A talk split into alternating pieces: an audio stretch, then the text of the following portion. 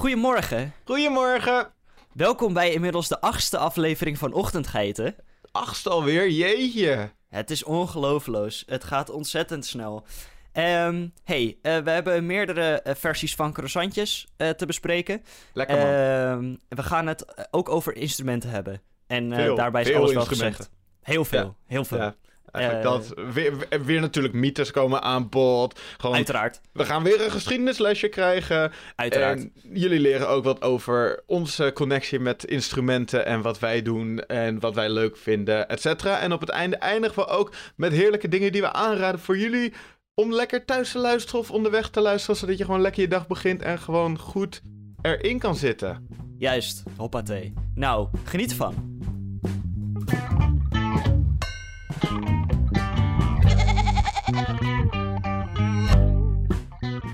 Het is echt gewoon, deze hele week is het echt gewoon super lekker weer. Ja, het is ongelooflijk.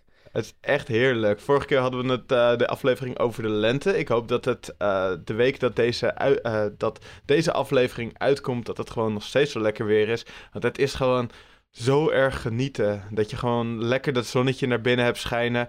Het, is, het begint al langzamer warmer te worden en dat is gewoon zo chill. Ja. Weet je waar ik ook warm van word, Sam? Nou, Nou, ik word ook warm om te praten over een passie die jij volgens mij ook wel deelt. En dat is muziek. oh ja, zeker. We gaan het vandaag dus hebben over muziekinstrumenten. En dat is, ja, dat, dat is gewoon voor ons beiden is muziek, muziekinstrumenten best wel een deel van ons leven. Daar, we eh, daar gaan we aan het eind van de aflevering ook gewoon nog meer over praten. Eh, ik wil je eerst even meenemen in iets wat heel belangrijk is voor de hedendaagse muziekinstrumenten. En dat is namelijk de geschiedenis van de muziekinstrumenten.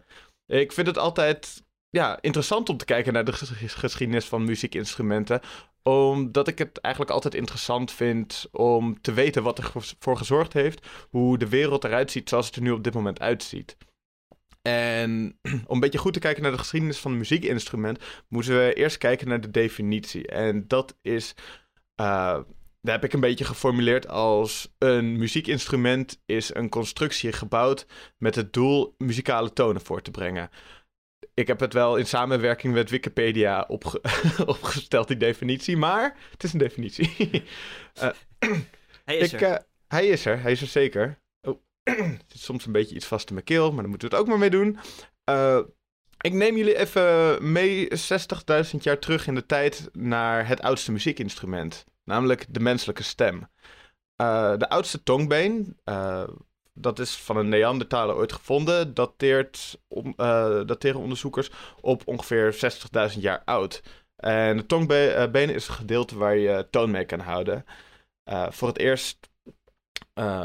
Ja, de eerste muziek werd dan ook niet echt met de instrumenten gemaakt die we nu kennen met de snaren en dat soort dingen. Het was meer gewoon eh, waarschijnlijk zang en stenen en klappen en dat soort geluiden. eh, dat soort geluiden om muziek en klanken te maken.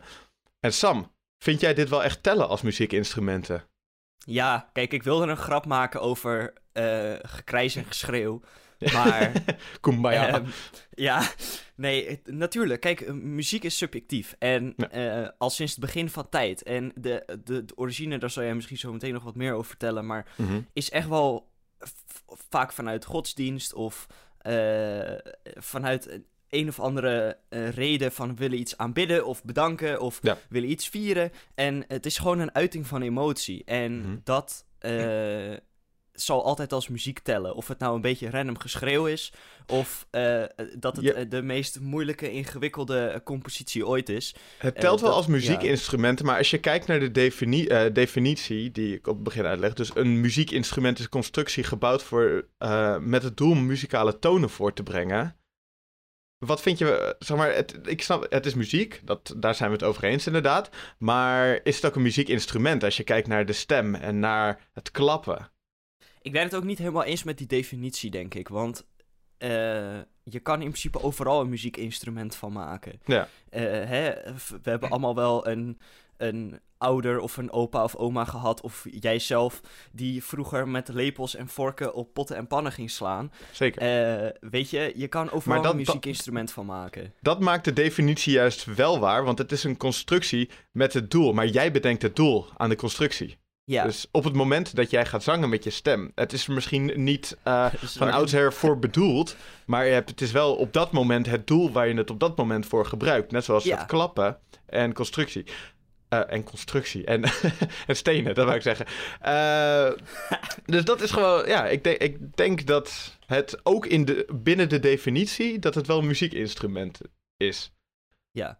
Maar ja, zo. Ja, want je kan het, je kan, het ligt er gewoon uit, aan vanuit welke hoek je het bekijkt. Ja, zeker. Als je echt dingen eh, bedenkt van dit moet maar- speciaal gemaakt zijn voor het eh, creëren van die klanken voor in muziek, dan zou je inderdaad zeggen van nee, dan, va- dan is dat niet echt een muziekinstrument. Maar vanuit de definitie dat het, eh, het als doel is om, dat, eh, om die muzikale klanken te genereren, dan ja, het is maar net welk doel je eraan geeft. Als je Ja. wil zingen, dan is het doel van je stem om te zingen. Dus dan maakt dat het, ook al is het een biologisch iets, dan maakt het dat alsnog een muziekinstrument, vind ik. Ja, nee, mee eens. Nou ja, juist Nee. ook omdat het op, zeker in de laatste, nou ja, laten we even zeggen, om ruim genomen 50 jaar, eh, wordt stem ook voor meer gebruikt dan alleen zingen. En dan Ja. heb ik het niet over praten, maar over echt wel andere soorten geluiden die mensen leren maken. Eh, en dat is voor mij makkelijk om, om te weten, omdat ik in, heel veel naar metal luister, waar je natuurlijk heel veel tussen aanhalingstekens geschreeuw hebt. Eh, Ja. En dat is ook een hele specifieke manier van je stem gebruiken. Ja, en er, zo zijn er nog veel meer manieren. Weet je, alle. eh, tegenwoordig is heel veel digitaal gemaakt. Maar voorheen, cartoons, eh, films, voice-overs, overal waar een beetje een voice-over in zat. Ja. Dat was gewoon een mens. Ook dieren die werden nagedaan in, in, in cartoons en anime en tekenfilms en hoe je het ook wil noemen. Ehm, dat zijn mensen. Ja, zeker. En de- weet je, je kan er van Soms alles is het mee. tegenwoordig ook andere dingetjes, maar inderdaad, vro Ja, ja, vroeger dat is wat vooral ik bedoel. Tegenwoordig heb je veel meer eh, eh, extra opnames. hè, instrumenten, maar je hebt ook standaard opnames. Je hebt effecten die je ergens overheen kan gooien. Dus is het even wat anders. Maar alsnog wordt de stem voor heel veel dingen gebruikt. Dus het is veel meer dan alleen zang wat je ermee kan. En dat is wel een besef wat interessant is om te hebben. Zeker, zeker. Ehm, we gaan weer terug naar de geschiedenis. Yes. Eh, ik, ik merk namelijk wat, eh, wat, en dat lees ik ook overal, wat een beetje het probleem is van het bepalen van wat de oudste, instrumenten is. Bijvoorbeeld dat ik nu zeg zang en stenen en klappen, dat is een aanname. Eh, dat is omdat we gaan, ervan, we gaan ervan uit dat het wel zo gedaan is. En dat is vaak ook in grotschilderingen terug te vinden. Maar eh, we hebben alleen maar kennis van de instrumenten die zijn gevonden. Dus het is ook niet ondenkbaar dat eh, de vroegere mensen bijvoorbeeld percussie-instrumenten van, van huid maakten.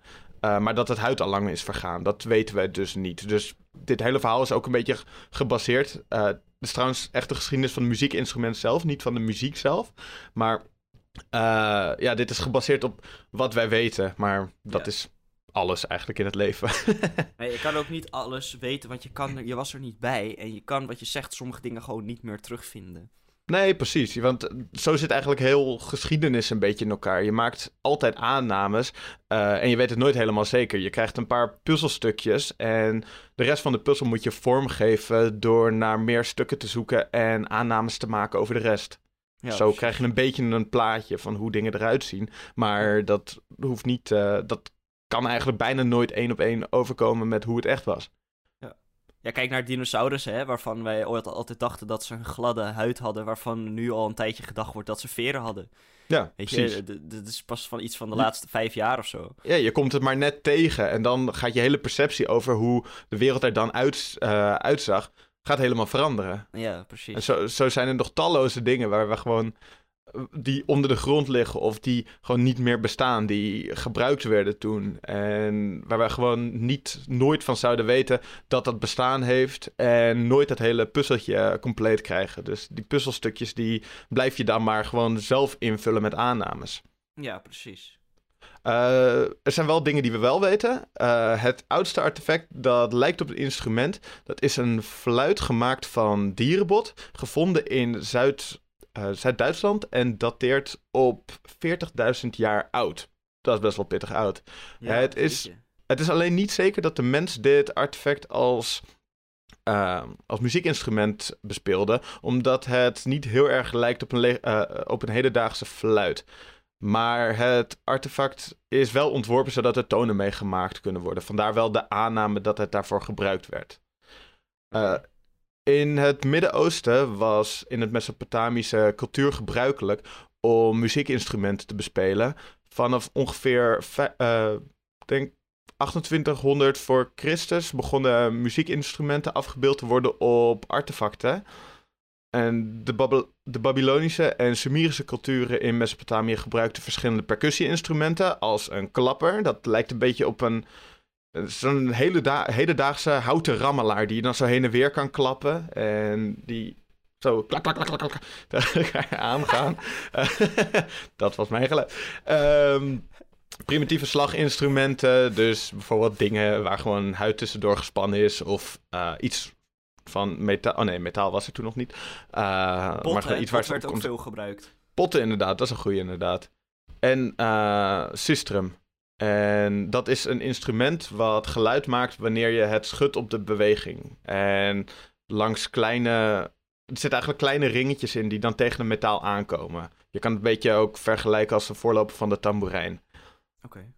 En blaasinstrumenten behoorden tot de eerste instrumenten. Want naast de fluiten die ook in Mesopotamië gevonden werden door archeologen, werden ook in Egypte 3000 jaar geleden oude Tutankhamon-trompetten gevonden.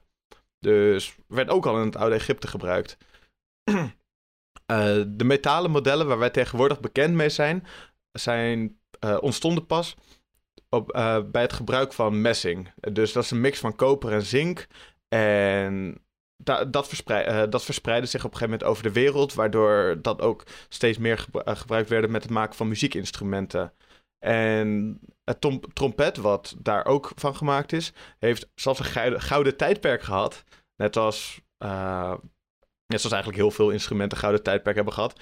En dat was met name in de barokstijl wat zich ontwikkelde in Italië rond 1600. Maar nu gaan we weer even een stapje terug maken. Want de oudste fluit uh, die, die gevonden is, waarvan men zeker weet dat er mee gespeeld is. Dus niet eentje die uh, die is gevonden met de gedachte dat er misschien gespeeld wordt. Of eentje die uh, in een schildering of in een artefact uh, afgebeeld was. Maar dit is echt eentje waar sowieso mee gespeeld is. Dat die dateert tussen de 9e en de 7e eeuw voor Christus in het oude China. En de Australische didgeridoo zou ook een beetje uit deze tijd uh, komen. Dus je kan, je, je kan er een beetje van uitgaan dat, dat ook samen bij elkaar een beetje ontwikkeld is. Ik uh, heb hier wel wat leuks aan toe te voegen, want ik had natuurlijk vorige aflevering, uh, waarin we het over de lente hadden, verteld dat ik, dat ik een deel van mijn familie in Australië heb.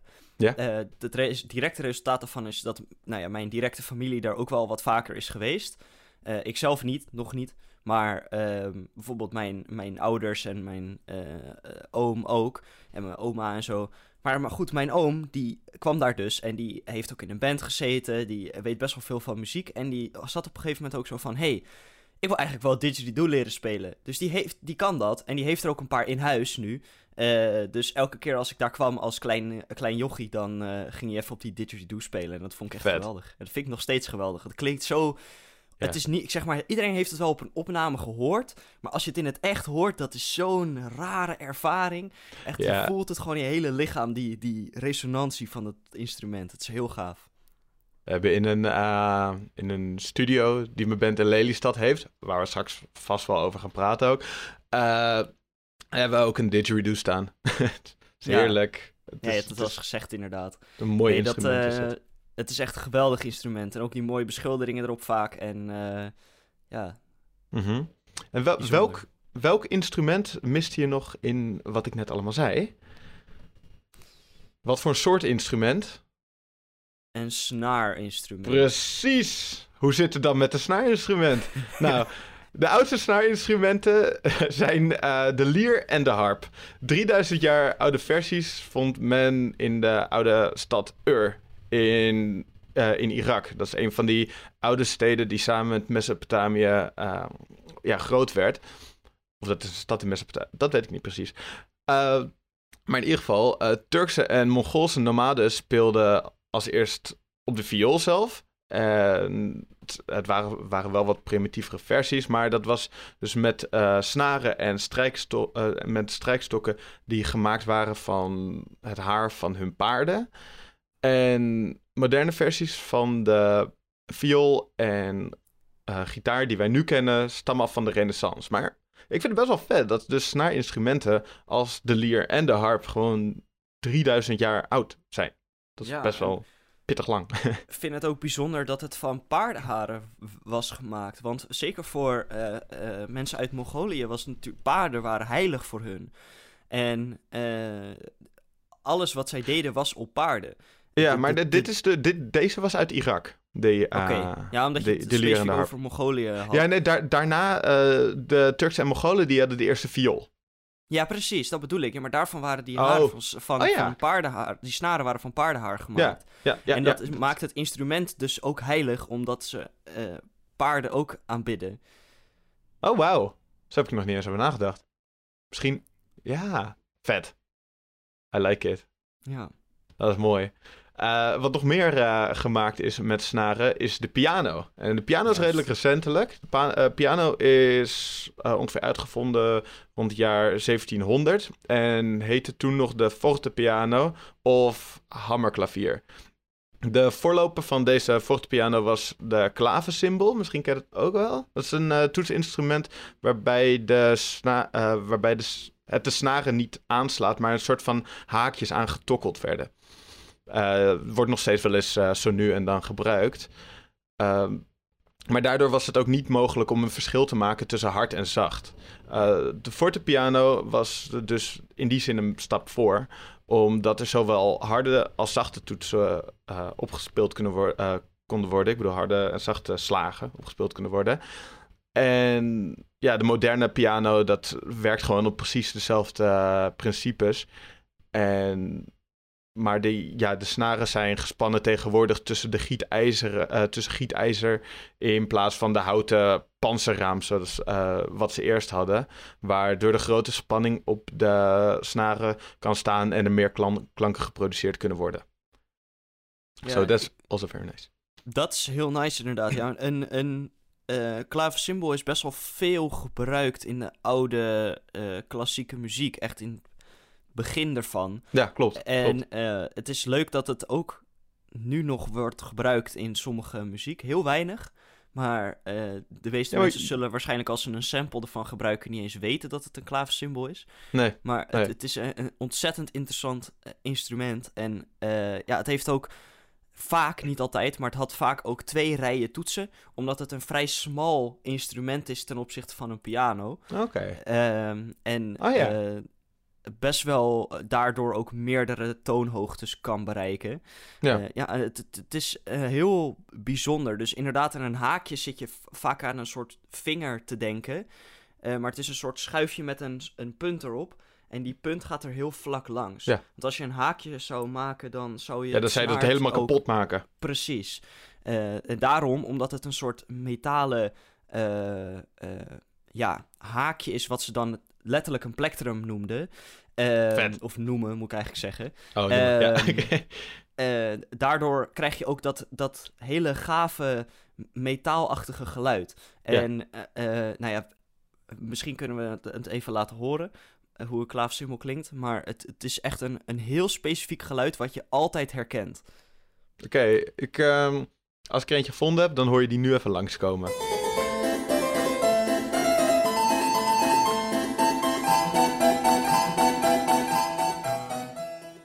Alright, en nu mist er nog één belangrijk deel van de geschiedenis wat bepalend is voor de hedendaagse muziek. En dat is de, zijn de elektrische instrumenten.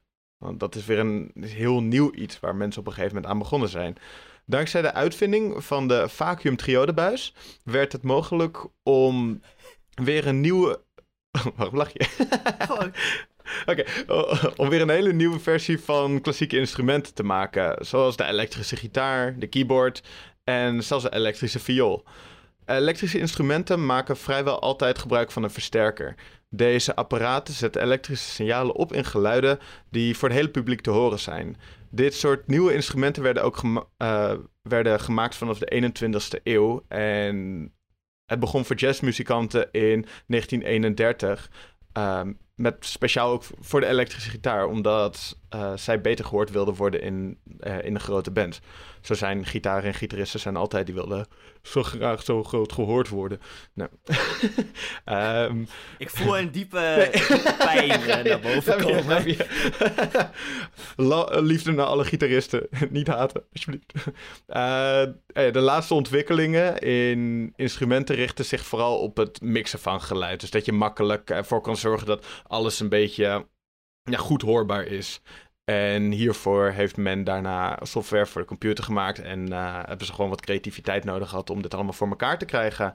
Dus uh, ja, dit was een korte samenvatting van de belangrijke delen uit de geschiedenis van muziekinstrumenten. Zouden vast dingen overgeslagen zijn. Maar ik hoop in ieder geval dat je er wel lekker wat van geleerd hebt. Ja, ik, ik vind dat nog wel leuk om te iets, uh, iets extra's, iets kleins te benoemen. Yes. Wat ik vaak aan mensen vertel en wat eigenlijk heel weinig mensen weten. Um, je hebt natuurlijk een, een elektrische gitaar. Je hebt ook een elektrische basgitaar. Yeah. Um, maar de elektrische basgitaar is vrij laat pas uitgevonden. Echt wel een flink aantal jaar. Ik heb even niet de precieze cijfers, maar een flink aantal jaar nadat de gewone elektrische gitaar is uitgevonden.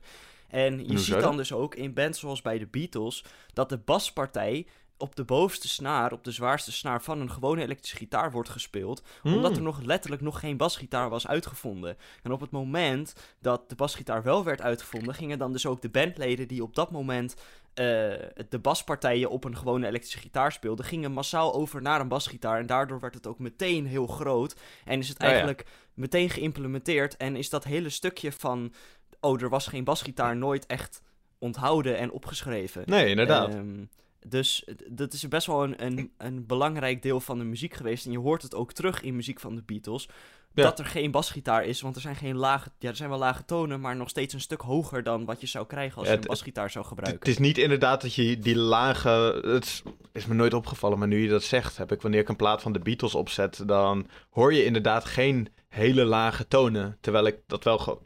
Terwijl het zou wel gewoon moeten kunnen. Als het erin ja. zat, zouden, zouden we het gewoon horen. Maar dat is er inderdaad niet. Ze worden wel gespeeld, alleen op een gewone elektrische gitaar. Ja. En toen was Precies, het ook nog niet toch echt dat effect ding niet krijgt ook. Nou ja, toen maakten ze ook nog niet van die hele dikkere, veel dikkere snaren. En werden de gitaren ook niet super veel lager gestemd.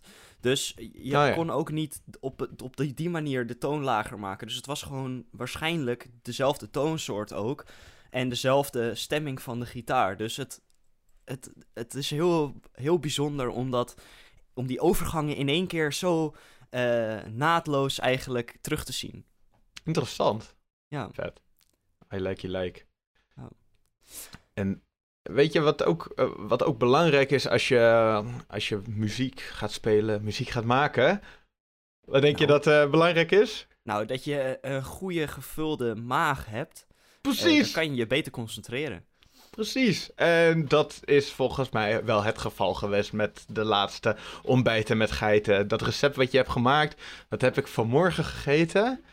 En oh man, wat is dat toch lekker. Het was echt. Ik, ik was ook. Um, het is allemaal niet zo. Het is allemaal best wel makkelijk om te maken. Het is heel makkelijk. Ja. Je moet gewoon een paar dingetjes in huis halen en je kan gewoon beginnen. En... Je gooit gewoon wat dingen bij elkaar in Ja. de pan en en, de rest en- gooi je in de oven en dat is het eigenlijk. Ja, precies.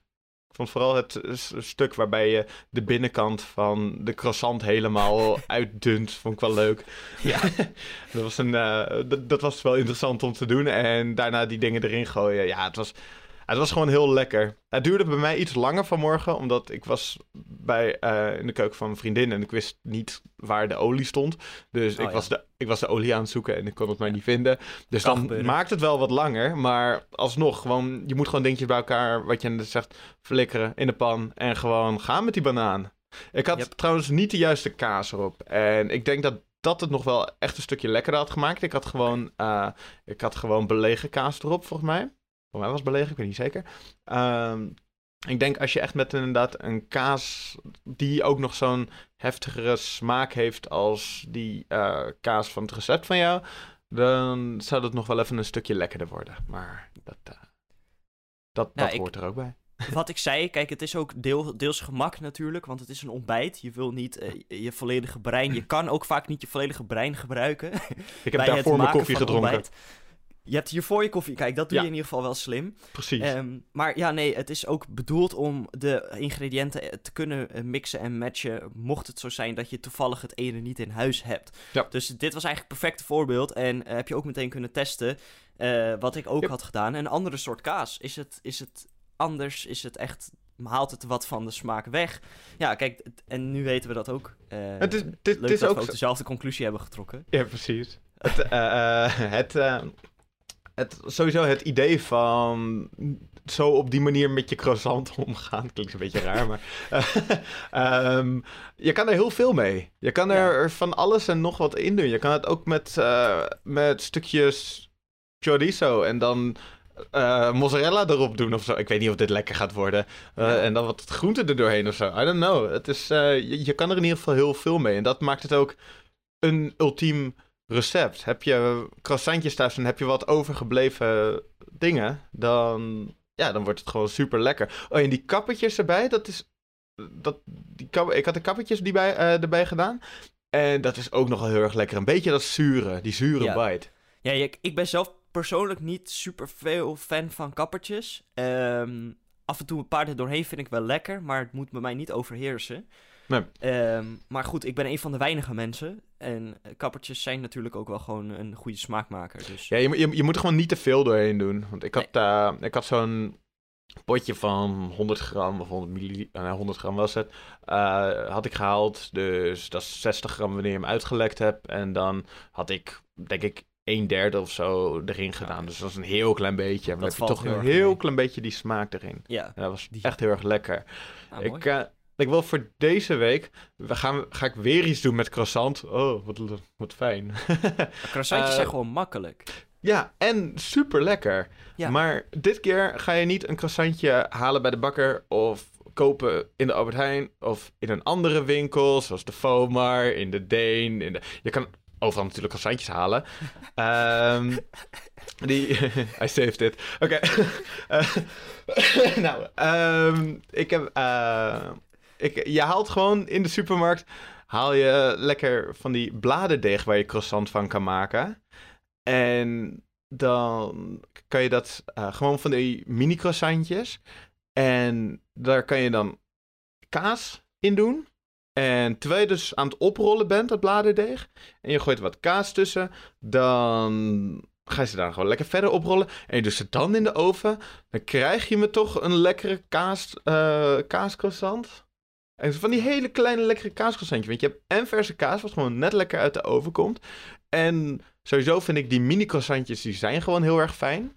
Eh, heerlijk kaascroissantje, maar dat kan je met meerdere dingen doen. Dus heb je zin in een eh chocoladecroissantje, dan doe je dat met chocola. Heb je zin in een pindakaascroissantje, wat voor jou denk ik wel heel erg lekker is, dan doe je er lekker pindakaas op. Wat ook een all-time favorite is voor mij, dat is, eh, je haalt van die kleine, kleine worstjes en die doe je er dan in. Dan heb je een soort van mini-worstenbroodjes. Dat is super lekker. Dus dit is een recept heel makkelijk. Je kan er heel veel mee. Je gaat daarna gewoon de oven opwarmen op 200 graden. Je gooit het erin en ga met die banaan. Je kan er Ja. zoveel dingen mee doen. Dit was, het is ook een jeugdsentiment voor mij. eh, want eh, ik at vroeger ook altijd die dingen bij mijn ouders. En dan. eh, wat wij dan deden was gewoon heel makkelijk. Je maakte gewoon die croissantjes, je flikkerde in zijn oven. En als, je, als ze klaar waren, deed je gewoon op je bord een, een klein beetje boter. En bijvoorbeeld hagelslag. Oh, En dan de, haalde, had je gewoon je mes, deed je gewoon een beetje boter op zo'n klein croissantje. En dat dipte je dan in de hagelslag. En dan als ze vers uit de oven kwam, zodat het een klein beetje ging smelten. Maar ja, het is natuurlijk beter als je het er al in doet. Want dan krijg je ze Ja. gewoon perfect uit de oven. En ja, je kan dan- inderdaad, dan, je is je wat je erin doet ook gesmolten of zo. Je kan ook een plakje kaas en dan een plakje ham bijvoorbeeld. En dat dan erin rollen. En dan Ja. krijg je lekkere ham-kaas croissantjes. Oh man. Je kan er ook eh, een lenteui in gooien. Nee, dat moet je niet doen. Kan. Ja, het kan. Als je heel erg van lenteui hebt en je hebt zin om rauwe lenteui in je, in je croissant te eten, mag je dat zeker doen. Je kan alles. De wereld, is, eh, de wereld ligt aan je voeten met deze kleine croissantjes. Het is Ja. gewoon... Bladerdeeg, eh, je, je- bladerdeeg is de bodem ervan. Verder kan je gewoon zelf bedenken hoe je het in wil vullen. Letterlijk. En dat, ja, dus dat is... eh, dat moet je lekker deze week gaan maken, Sam. En mensen thuis ook lekker deze week maken. En eh, gewoon genieten, want je ver- verwent jezelf er zo erg mee. Het is zo makkelijk. Je hebt er bijna niks voor nodig. En gewoon gaan met die banaan. Ik zal het in de, in de boodschappenlijst zetten. Ik kan het helaas eh, zelf niet halen, want ik zit in quarantaine op het moment. Maar ehm, Het gaat Gelukkig nemen we dit allebei gewoon lekker thuis op. Dus dan eh, heeft dat verder geen invloed over, eh, over de podcast. nee, precies. Dus eh, dat is altijd wel heel erg fijn. Ik ben heel erg benieuwd. Ik heb, vind het heel leuk dat je deze, deze als suggestie gooit. Yes. En ik, ben, ik weet zeker dat als jij het niet had gedaan, dat ik het dan wel over één of twee weken had gedaan. Ja, precies. Want dit is toch wel een, een bekende en classic. Mhm. Klassieketje, lekker. Ik denk dat wij eh, overgaan van, het, eh, van croissantjes terug naar de muziekinstrumenten. En eh we hebben het vaak over mythen. En ik denk dat ik daar ook wel weer op ga aansluiten. Het zal eens niet. Het zal eens niet. Het zal eens niet. Niet. Ah, haha. Hey. Ehm, nee, ik ga het over hebben over de panfluit. En veel mensen weten al waar de naam een beetje vandaan komt. Maar ehm, in dit geval ga ik het gewoon vertellen. En de panfluit is voor veel mensen al bekend wat het is. Maar eh, voor mensen die het niet weten, het zijn van eh, hout gemaakte eh, ronde buisjes aan elkaar vastgemaakt in een kromming. En elk buisje wordt telkens iets langer. En daarbij krijg je dus dan dus ook een andere toon als je er doorheen blaast. En zo heb je eigenlijk een mooie verdeling van tonen die je kan maken. En panfluit is vrij simpel. Hij wordt overigens eh, het meeste van bamboe gemaakt. Maar tegenwoordig wordt hij ook nog wel, wat ik zei, van hout, van glas, metaal en ook van kunststof gemaakt. Ehm, de naam, daar komt Oh hij ja. is, eh, af, is afkomstig van de Griekse god Pan. En Oh. eh, Pan is een eh satyr. En een satyr is een soort half mens, half geit. En ehm, de god Pan is dus, eh, was dus in de Griekse mythologie de god van het vee en het dierlijke instinct. Ehm, de zoon van Hermes, de boodschapper van de goden. En eh, de dochter nimf eh, Penelope. Staat ook al bekend als, nou ja, van de, bossen en ook de natuur. Pan behoort tot de satyrs, goden die half mens, half bok zijn, half geit en onder meer bekend staan om hun lust voor wijn en het verleiden van nimfen uit het bossen. Dus eigenlijk zijn ze gewoon constant bezig met andere goden verleiden door middel van muziek. De panfluit, ook wel herdersfluit, dus dat is ook wel een bekende naam voor sommige mensen, ehm, is naar deze god genoemd en ontstond volgens de mythologie als volgt. Pan had een oogje op de nimf Syrinx, maar hij had pech. Syrinx wilde maagd blijven. Snap ik, weet je, kan gebeuren. Terwijl Pan haar achterna zat, bad de nimf tot de goden om verlost te worden van haar achtervolger. Gaia, moeder aarde, hoorde haar noodkreet en schoot te hulp. Net op tijd veranderde ze Syrinx in een rietkraag. Pan zonk ontzet neer in het riet en zuchtte. Zijn adem werd opgevangen door het riet dat het geluid versterkte tot een klagerige zang. Pan plukte, geboeid door het geluid dat hij uit het riet hoorde komen, zeven rietstengels en maakte er een fluit van. De panfluit. Wow. Sick. Ja, ehm erg knap was Pan niet. Eh, zijn uiterlijk zorgde er geregeld voor dat mensen angstig werden. In paniek vluchtten ze weg. Eh, in de middeleeuwen werd Pans afbeelding geregeld gebruikt om de duivel mee uit te beelden. In het Latijn wordt Pan Faunus genoemd. De binnenste maan van de planeet is naar deze god uit de oudheid vernoemd. Maar is het dan ook een Ehm, faunusfluit? nee, Oké. dat was leuk geweest. Eh, maar nee, helaas. helaas. Ehm, ja, nee. eh, Pan zie je ook nog in best wel veel literatuur. Redelijk moderne literatuur. Vooral uit het begin eh, 20e eeuw. En ehm, ja, het, het heeft heel veel te maken met, dus wat ik zeg, de, de Griekse mythologie. Je ziet ook heel veel symbolisme daaruit nog eh, te voortkomen. Eh Mhm. Faunus is de Romeinse naam overigens. En eh, voor de mensen die dat niet weten, eh, de Griekse mythologie is de origine van de eh, Romeinse mythologie. Eh, die komt daar direct uit voort. En heel veel goden zijn dan ook precies hetzelfde. Alleen dan hebben ze een andere naam en soms een iets andere toepassing.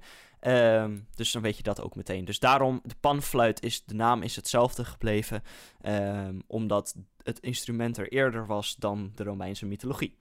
Nice. Ja, eh, dat is dus even de, de, de, de mythologie erachter. En eh, dan hebben we het instrument zelf, want we hebben het tenslotte over instrumenten. Mhm. Ehm, een panfluit wordt bespeeld door lucht over de buis tegen de rand te blazen. Dus niet er recht in, dan krijg je een beetje een vaag geluid.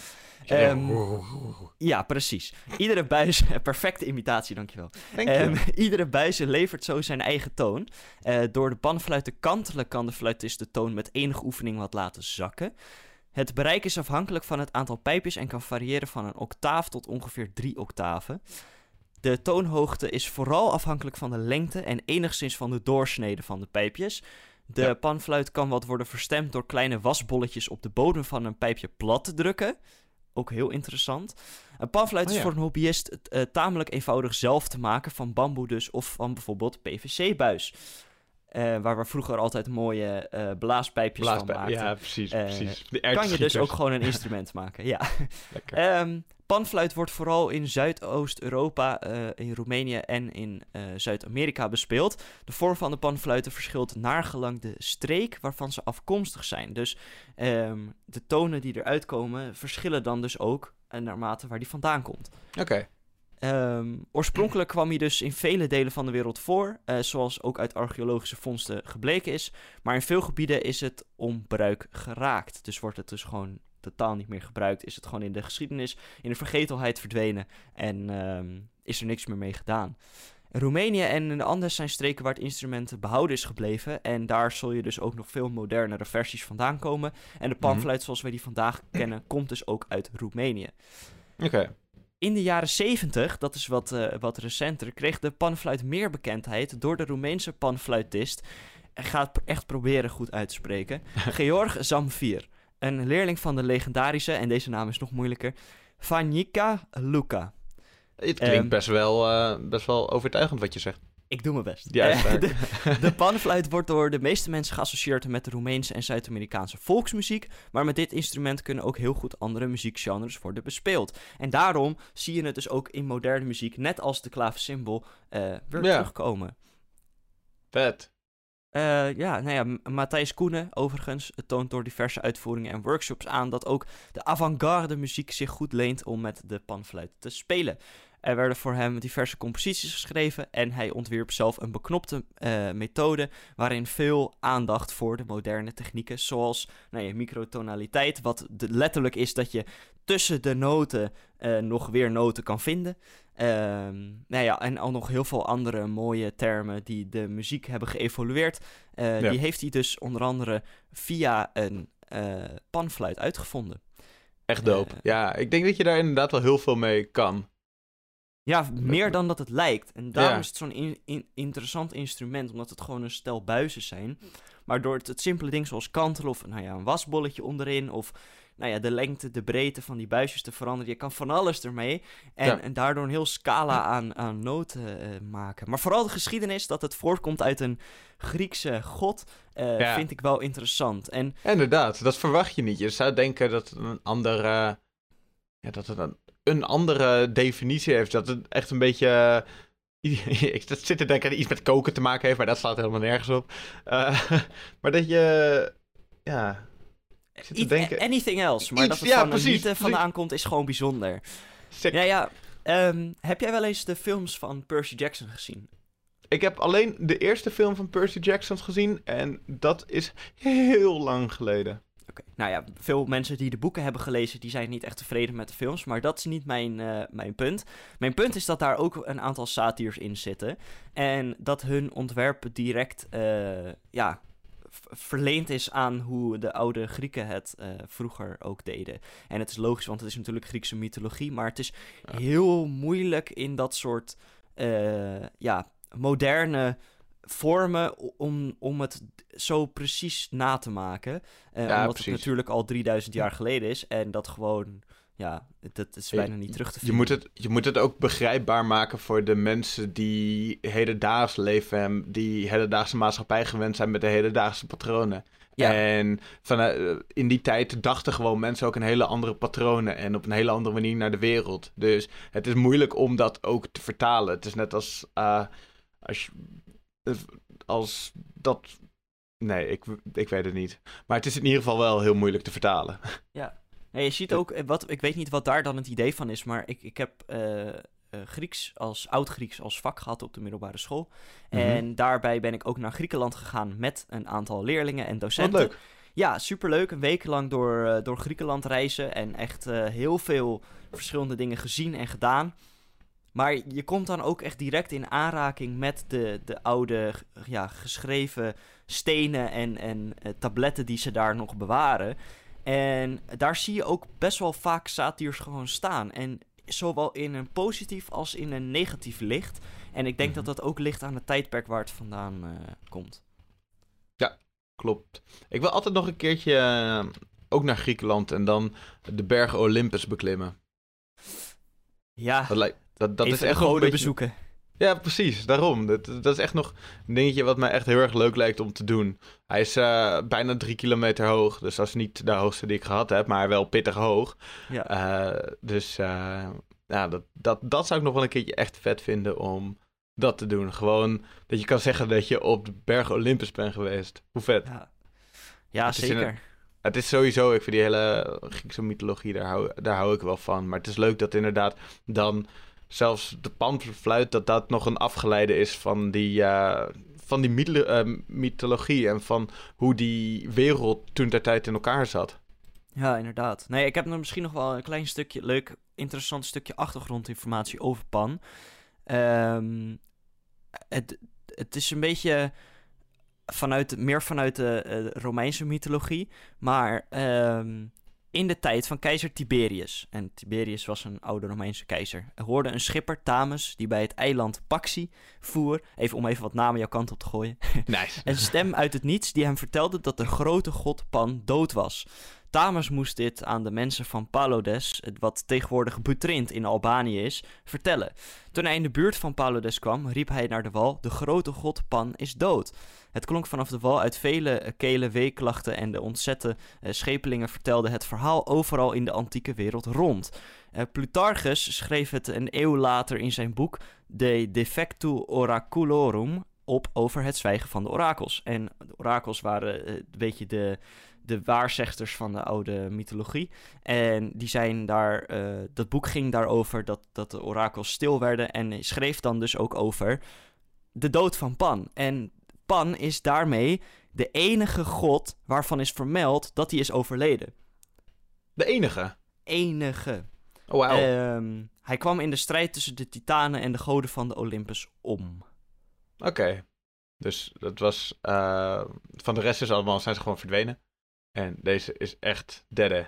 Ja, om eh, puur en alleen omdat een of andere random Griekse schrijver of eh, eh, Romeinse schrijver daar een verhaal over heeft geschreven. Maar goed, het is wel het enige waarvan daadwerkelijk expliciet is opgeschreven dat hij is overleden en hoe dat bekend is geworden. En, dat, valt, dat ehm, valt me wel ja. m- mee. Ik had verwacht dat dat ook met meerdere bekend zou zijn. Nou, er zijn veel speculaties in de mythe, maar Ja. dat heb je met mythe. Eh, eh, het is, het is Tuurlijk, niet- tuurlijk. Niet, ja, het is gewoon heel lastig. En, Het zijn verhalen. In- In dit geval, omdat het daadwerkelijk eh, ja, referentie is naar een tussen aanhalingstekens waar gebeurd verhaal. Ja. Ja, ja is, is het de enige eh, manier om dat nog terug te vinden. En ja, de geboorte van, van goden, daar is wel heel veel over te vinden, maar de dood niet. En eh, dit, dit is dus de enige. Nice. Van Pan. Pan Ja. met zijn panfluit. Ja. En Ik- ehm, heb jij wel eens op een panfluit gespeeld? Ik wilde echt net diezelfde vraag aan jou stellen. ik heb het zeker wel gedaan, zeker wel geprobeerd. Maar ik vind het verbazingwekkend moeilijk. Het lijkt zo makkelijk, maar het is... Je moet hem precies goed hou- houden en precies op de goede manier blazen. En het is denk ik echt een... Het is net als fluiten. Wanneer je het op een gegeven moment leert, dan kan je het. Ehm, maar dat moment daar naartoe, dat is best wel nou, best wel, kan best wel moeilijk zijn voor sommige mensen. En met, pan, uh, met panfluit spelen had ik dat dus, wat sommige mensen met fluiten hebben. Ik kan wel fluiten overigens. Ja, nee, het is zo, ik, ik heb er ook wel uh, op gespeeld en het is best lastig inderdaad. Het is, het is echt wel wat meer oefening dan dat je denkt. Um, het is niet zomaar blazen in een rietje. Nee, zeker niet. Nee, kan het, het lijkt een beetje op, uh, op het bespelen van de bierflesjes. Ja, dat dacht, zat ik ook al aan te denken. Maar inderdaad, dat is een beetje het idee. Dat is ook de manier waarop je erin blaast. Ja, precies. Alleen kom, gaat hij aan de... Wacht, een panfluit is... Ja, is echt precies hetzelfde. Ik dacht even dat een panfluit aan de onderkant hol is, maar dat is niet zo. Nee. Het, is, uh, het, is, zit gewoon dicht aan de onderkant. Ja. Nice. Ja, dat, dat maakt het zo uh, uh, specifiek ook, hè. Want je, je ja. kan als je naar een afbeelding van een panfluit kijkt, dan zou je misschien in eerste instantie denken dat je aan beide kanten gewoon kan beginnen met blazen. Maar het is totaal niet zo. De onderkant is gewoon dicht. En ja, dus dat, dat het echt gewoon een paar rietjes zijn van bamboe die uh, zo zitten. Maar er zit wel net een heel klein beetje meer moeite in dan alleen maar de rietjes. ja. Ja, en, en de panfluit is ook interessant omdat we onze eigen uh, adem gebruiken om er geluid uit te krijgen. Net zoals met uh, mondharmonica of andere uh, blaasinstrumenten. En dat mhm. is een, een, dan weer een verlengde van onze stem, als het ware. Uh, ja. Wat ik altijd wel bijzonder vind. Ja, precies. Je gebruikt in plaats van dat je ergens op slaat of ergens iets aanraakt op het instrument of iets aantikt, dan gebruik je inderdaad de wind de wind van jou, uh, die uit jouw mond komt en die op verschillende manieren uit je mond kan laten komen, dan vind ik het ook zo leuk. Het is hetzelfde als dat er buiten iets, uh, dat het buiten aan het waaien is en er zit ergens een hele grote soort ketel of zo. Dan kan je soms ook in één keer dat geluid horen. Uh, dat is groter, dus dat, daar komt een hogere frequentie vaak uit. Ja. maar het is wel een beetje hetzelfde principe.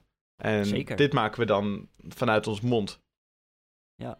Nee, ik vind het ook wel um, altijd met, met, nou ja, wat met instrumenten überhaupt grappig is om te zien, is dat je, uh, dat alles een verlengde is van het lichaam. En ja. uh, dat elk instrument, zeg maar, er is geen enkel instrument wat je nu zou kunnen bedenken, waarbij je een lichaamsdeel uh, gebruikt, wat nog niet al voor andere instrumenten wordt gebruikt. Omdat het zo ontzettend veel is uitgedacht door de afgelopen honderden en duizenden jaren. Um, overal is wel gewoon een, een lichaamsdeel wat voor instrumenten wordt gebruikt. Weet je het zeker? Ik weet het 100% zeker. Oké. Okay. Daar gaan we er niet in discussie over. Don't quote me on this, maar nee. ik weet het 100% zeker. Oké. Okay. Uh, ja, nee. Um, en het dan... geslachtsorgaan? Ja, precies. Nou ja, wie weet. Vast, ongetwijfeld. Ja, er zal vast wel iets zijn. Uh, de wereld is groot, weet je. Er kan, er kan van alles uh, tevoorschijn komen. ja, uh, dat is waar. Vast wel iemand die er een keertje een ideetje mee had of zo. Dus dat, ja. ja. Um, nice. hey, wat was jouw allereerste muziekinstrument die je aanraakte?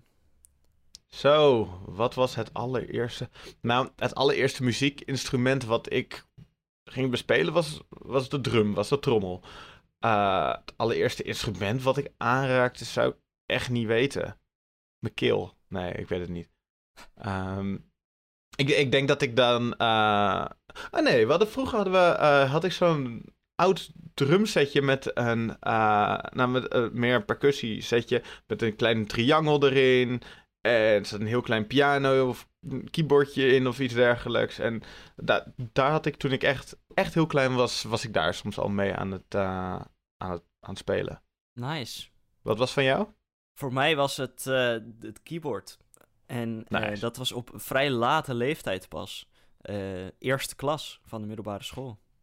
Heb je nooit op de basisschool dat je dat, dat er dan iets was dat allemaal een trommeltje kreeg of zo. En dat je dan daar iets mee misschien ging doen? op de, op de kleuter. Ja, dan is het een misschien inderdaad. Maar ja. ik kan dat niet met zekerheid zeggen. Er zijn vast wel foto's of video's van ik die op een of ander klein trommeltje sla. Je hebt maar er geen bewust, actief, uh, uh, actief geheugen meer van. Nee, precies. nee. nee, eerste klas was echt bewust de eerste keer. En uh, keyboard, daarna piano, weer terug naar keyboard. En toen naar uh, basgitaar, gewone gitaar, uh, allemaal wel elektrisch. En uh, veel met mijn stem bezig. Dus dat is mijn repertoire. Ik weet dat jij ook heel veel, heel veel, heel veel kan. Um, Je zit Nou, ook in een band, veel. dus op zich. Ja, ja ik, ik kan een beetje op dingen slaan. Maar eh, jij, jij- ik weet, jij, jij was op een gegeven moment veel Ja. bezig met je basgitaar. En, eh, en dat, doe je dat nog steeds veel? Want ik heb je er eigenlijk een best wel lange tijd niet over gehoord. Ik ben er wel zeker mee bezig, eh, maar eh, niet eh, om echt veel beter te worden. Ik speel gewoon een beetje leuk en eh, ik speel af en toe eh, ja, bij eh, mijn ouders op een gitaar die daar op zolder staat. En voor Oh, de ja. rest, Dan een beetje voor jezelf om het een beetje bij te houden. Want te laten zien, je kan Ja, het om- nog tegen jezelf. En om het niet helemaal te laten vergeten, zeg maar. Nee, maar, nee, ik zou er wel meer mee willen doen, maar ja, je moet ook tijd ervoor maken. En dat, Zeker. Daar zit op dit moment gewoon niet je prioriteit. Dus dan, nee, precies. ja, maar begrijpelijk. ik heb een hele mooie gitaar en een basgitaar naast me staan. En eh, Lekker. die gebruik ik nog steeds. Dus ja, nee, zeker. Ja, leuk. Ik, ik het is ook wel, moet wel zeggen, het gaat ook wel ver terug in mijn familie, alleen maar vanaf één kant. En eh, ik heb daar gewoon nooit echt eh, pas op latere leeftijd over geleerd. Dus ik, ik ben gewoon vroeger als kind ook nooit echt in aanraking gekomen met muziekinstrumenten. Dus Nee, het was echt dat pas heel laat gekomen.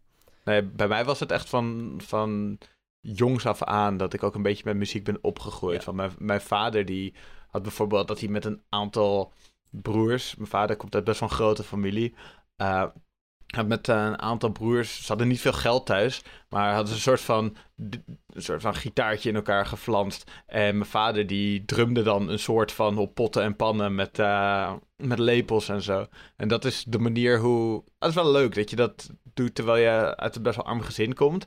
Dat je dan op die manier alsnog er gewoon mee bezig kan gaan. Want dat is dan, op dat moment zijn dat jouw instrumenten. En Ja. op dat moment produceer jij jouw geluid daaruit. Dus dat vind ik altijd heel erg leuk. En ik zelf ben, eh, toen ik klein was, toen ik een jaar of vijf, zes was, ging ik op AMG, dat is Algemene Muzikale... Nee, oh zo, AMV is dat. AMV, Algemene Muzikale Vorming. En dat is op de muziekschool. En dan word je een beetje...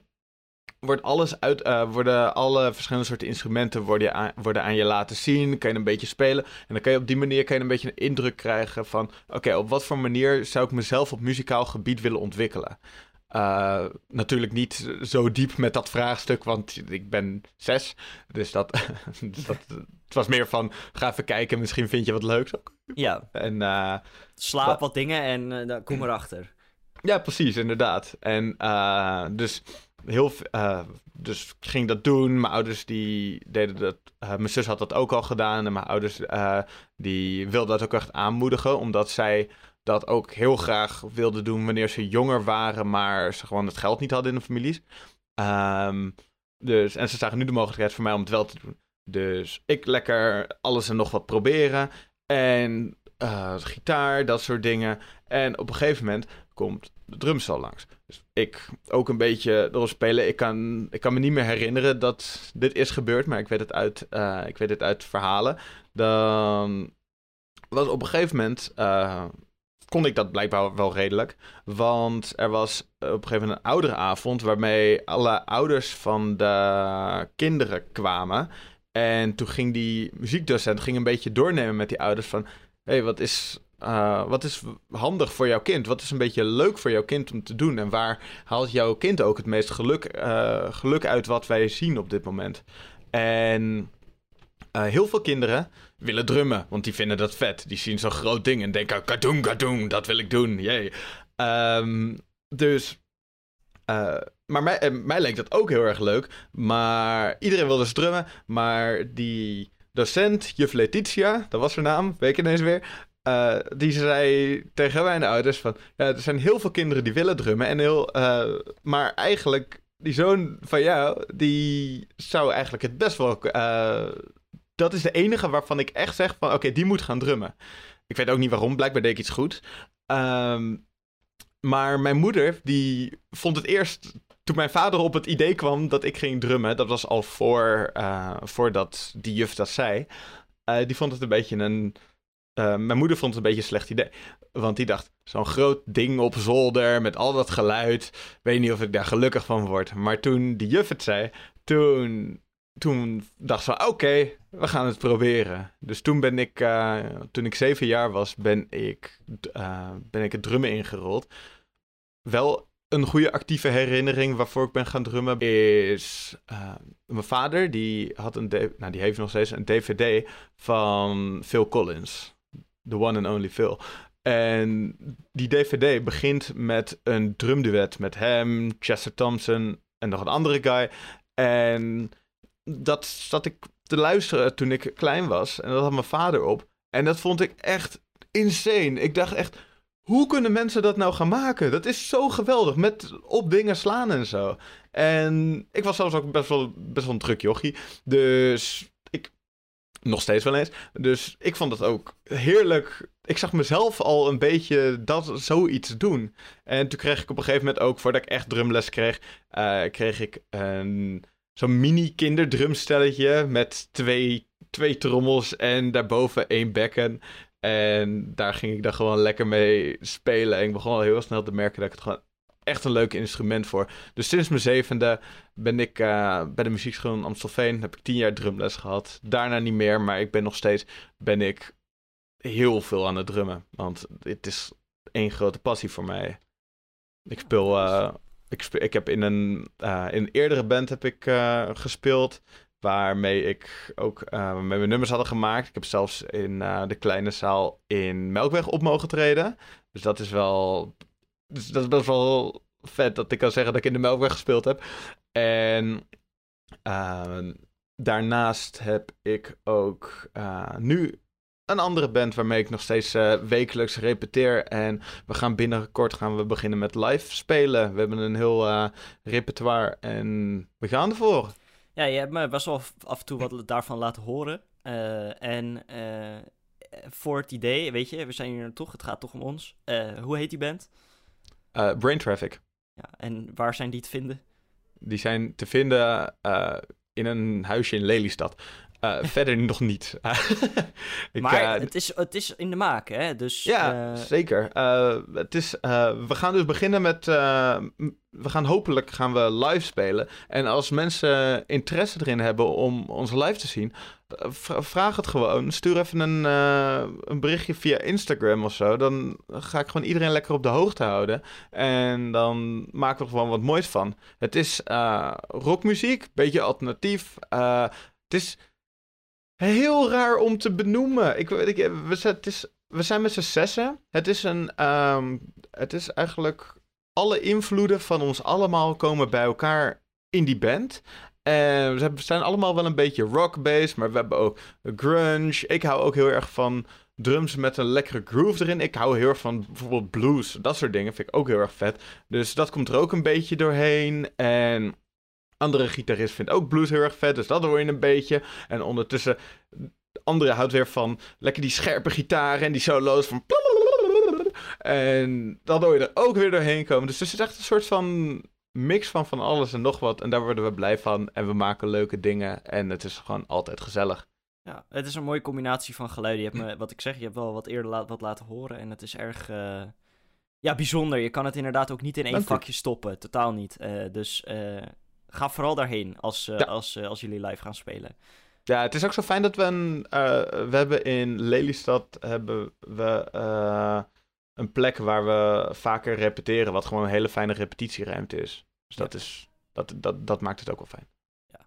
Nou, mocht je nou zo zitten van, oh, ik ben wel geïnteresseerd geraakt in instrumenten, mocht, of dat nou een panfluit is of een drumstel, dat maakt dan niet zo heel veel uit. Um, neem contact op met je lokale muziekschool, want zij hebben het ook nodig. En uh, kijk of, of zij je wat kennis kunnen geven of wat informatie, misschien zelfs wat workshops of wat lessen. En uh, muziek spelen uh, houdt je brein ook op een andere manier actief, waardoor je ook goed en beter kan nadenken over andere dingen. Dat is wetenschappelijk bewezen. En ja. uh, kijk, het hoeft natuurlijk niet. Hè. Het is niet verplicht. Je mag ook gewoon alleen naar muziek Jawel. luisteren, want dat is ook heel erg leuk. maar geef het de kans. Uh, maakt niet uit hoe oud je bent, uh, hoeveel inf informatie je hebt, hoeveel je ervan weet of je nou amuzikaal bent of niet, dat maakt helemaal niet uit. Uh, nee. Want het is een kwestie van training. Uh, tuurlijk zit er wel een beetje talent bij, maar het is echt, echt, echt een kwestie van training. Mensen ja. die goed kunnen spelen, kunnen dat niet zomaar. Uh, en dus, ook, het is gewoon inderdaad ja. uren erin steken en het belangrijkste is passie. Je ja, moet er echt passie voor hebben. Je moet er echt voor gaan. Want als je als het een beetje, gema eh, als het een beetje matig wordt, dan stopt het al snel. Ja, en heel dus- veel mensen die het op een gegeven moment gewoon neerleggen en niet meer aanraken, omdat ze gewoon de passie verloren zijn. En die passie, als je het wil spelen, is heel belangrijk. Als je die passie kwijtraakt, ook geen probleem. Dan, Ja. dan ben je die passie even, eh, dan ben je die passie kwijt en dan ga je met andere dingen door. Maar wil Maar heb je het wel geprobeerd en het is het waard, want het, is, het gaat echt een wereld voor je open. Je kan kijkt op een hele andere manier naar muziek. Dus ik kan het sowieso aanraden. Eh, buiten dat is het natuurlijk ook gewoon prima om alleen naar muziek te luisteren. En ehm, ja, ik denk dat we met, eh, met die boodschap daar een beetje eruit gaan. Ik wil wel nog één ding aan jou vragen. En dat is. Ehm, ik, ik, ik heb altijd moeite met deze, met deze vraag als iemand hem aan mij stelt. Maar als iemand vraagt naar wat voor muziek jij luistert, wat is dat dan? Wat zeg jij? Metal. Eh, Oké, ja, bij jou is. Want jij Ja, luistert kijk- naar heel veel andere dingen buiten metal ook. Klopt, maar eh, overheersend is metal. Ik luister naar ontzettend veel stijlen muziek. Van klassieke muziek naar eh, synthwave, naar metal, naar classic rock, naar... ehm, nou ja, de, de gekste dingen. Sp- Spaanse gitaar, solo-stukken, v- v- van alles. Maar overheersend is toch wel echt metal. Oké, cool. En wat is jouw favoriete instrument? Gewoon een paar dingetjes die ik van je wil weten. Kan ik altijd Stem. tegen je gebruiken. Sowieso de stem. Cool. Eh, daarom heb ik daar zelf ook, ben ik daar zelf ook het meeste mee bezig geweest. En juist niet alleen omdat het zingen is, maar omdat je er veel meer mee kan. La- wil, wil je nog iets laten horen da- daarvan aan de eh, luisteraars? Of... Nee, want ik ben niet warm en ik heb geen zin in kapotte stembanden, omdat ik eh, willekeurig eh, geluiden maak en schade aanbreng. Nee, dat, is, dat, dat snap ik inderdaad. Eh, en nog een afsluitertje. Mensen die even niet weten wat voor een. Eh, die willen even een nieuwe band of een nieuw stukje muziek horen of iets dergelijks. Wat raad je ze aan en waarom raad je dat aan? Oeh, oeh. Ja, ik gooi even een eh, moeilijke laatste erin. Nieuw of gewoon iets wat veel mensen waarschijnlijk niet kennen? Ehm, Daar zit wel een verschil in. je, mag, je mag deze vraag mag je interpreteren, interpreteren zoals je wilt. Oké, eh, dan ga Je kan ik ook allebei naar- voor, voor allebei eentje. toen ik een, eh, een jaar, nou ja, een aantal jaar geleden begon bij een lokale radioomroep. Toen had ik een, eh, een, een, een item in dat programma en dat was dat, eh, dat ik een, een nummer uitzocht die bijna niemand kent. eh, van een artiest die bijna niemand kent, die toch wel heel erg underrated is. Ja. Ehm, nou, en die artiest, die heet... Ik moet hem even opzoeken hoor. Die artiest die heet hem. Steven, dat wist ik wel al, Steven. met de PH. alleen als je gewoon op Steven zoekt, ga je hem niet vinden. Ehm, Zoek naar het nummer Crossfire van Steven. Dat, inmiddels heeft hij al veel meer muziek gemaakt. eh, ook nog in 2020 allemaal EP's, singles. eh, best wel vaak beluisterd. Het nummer Crossfire zelf is inmiddels al 126,5 miljoen keer beluisterd. Maar toen ik het vond, was het nog maar een paar honderd keer beluisterd. En ehm, het gaat over eh, oorlog en wat dat met eh, kinderen doet. En eh, dat is best wel een heftig onderwerp. Maar eh, juist daarom. Het is, zit ontzettend goed in elkaar. En in latere versies van dat nummer heeft hij ook allemaal gastartiesten die erbij komen. Jazzartiesten, maar ook rappers en andere mensen. die van alles nog eraan toevoegen. Dus uiteindelijk zijn er nog een part 2 en een part 3 gemaakt. Crossfire van Steven, absoluut. Dat is echt het is modern, dus de meeste mensen kunnen dat ook wel waarderen. Ehm, en het, het, het is geniaal. Het is echt geniaal. Cool. Ik ben benieuwd. Ik ga het ook even checken. Ik ken het ook Het is niet. moderne muziek waar een gitaarsolo in zit. En dat is toch wel weer bijzonder. En met modern Ja, bedoel ik niet eh, moderne rock of zo, maar echt eh, een beetje meer richting de EDM-kant. cool. dus- Alright. Het is heel Ehm, bijzonder. Wil ik ook nog één, eh, eentje opgooien? Eentje Graag. die niet zo heel veel mensen kennen. Ik dacht eerst van, zou ik Muse gaan gooien? Want dat is mijn all-time favorite band. En ik hou van die band, maar die, die band die kenden de meeste mensen. Een band die niet zoveel mensen kennen, dat is Andy Fresco en The UN. En Andy Fresco en The UN, dat is een band die ik ben tegengekomen op festival. En waar ik daarna... Het is, het is echt een beetje een... Het is gewoon een good vibe band. Je krijgt gewoon heerlijke vibes als je daar aan het luisteren bent. Dus een beetje het tegenovergestelde van, van jou, eh, van jou mu- eh, de muziek die jij net gooide. Dat is eh, alleen van maar goed. Steven. Is eh, dit echt gewoon heel erg op, hier krijg je een goede kick van. Hier wil je, eh, hier wil je van dansen, wil je gaan springen, zweten. Dus heerlijk, is de, eh, heerlijk vind ik die band. Eh, als je de mogelijkheid ziet om ze live te zien, is het al helemaal heerlijk. Ik ga eens heel eventjes kijken welk nummertje ik ervan aan ga raden. Wanneer Zou je nog het- één keer de naam van de band kunnen? Want het is best een ingewikkelde naam. Andy Frasco. Ja. Dus Andy en dan Frasco. Ik En dan staan. N-D-U-N. Oké. Yes. En als je bijvoorbeeld... eh, Niet onbekend, maar ook zeker niet heel erg bekend. Nee, precies, precies. Het is, het is een beetje zo'n tussenbeentje. Het is... Ja. Ik, ik, ik vind ik mooi, vind ik mooi. Ehm, als je bijvoorbeeld het nummertje Keep, Keep On Keeping On... Of... Ja, dat vind ik een heel lekker nummertje. Of Change of Pace. Die nummertjes zijn echt aan te raden. En je krijgt gewoon een good vibe. Je kan gewoon lekker door de dag heen. Vooral als je aan het begin van de dag zit, dan ga je gewoon echt met een blij hoofd de dag in. Zoals je hopelijk ook hebt eh, ervaren nu, nu je geluisterd hebt naar onze heerlijke aflevering over een grote passie van ons muziek. En ja, hierbij sluiten we denk ik af. En eh, we hopen dat jij een hele fijne dag, fijne week, fijn jaar, fijn leven hebt. En Absoluut. dat je gewoon, ja, dat je vandaag weer lekker alles op alles zet om er een lekkere dag van te maken. Als het een minder lekkere dag is, is het ook niet erg. Maar ik hoop in ieder geval dat je nu wel het gevoel hebt dat je gewoon er tegenaan kan gaan. Oké, nou. Ik ben het daar volledig mee eens. En, eh, Gelukkig. Het zou tot- raar zijn als je dat niet was. Nee, precies. En tot, ja, tot, tot volgende week. Doei!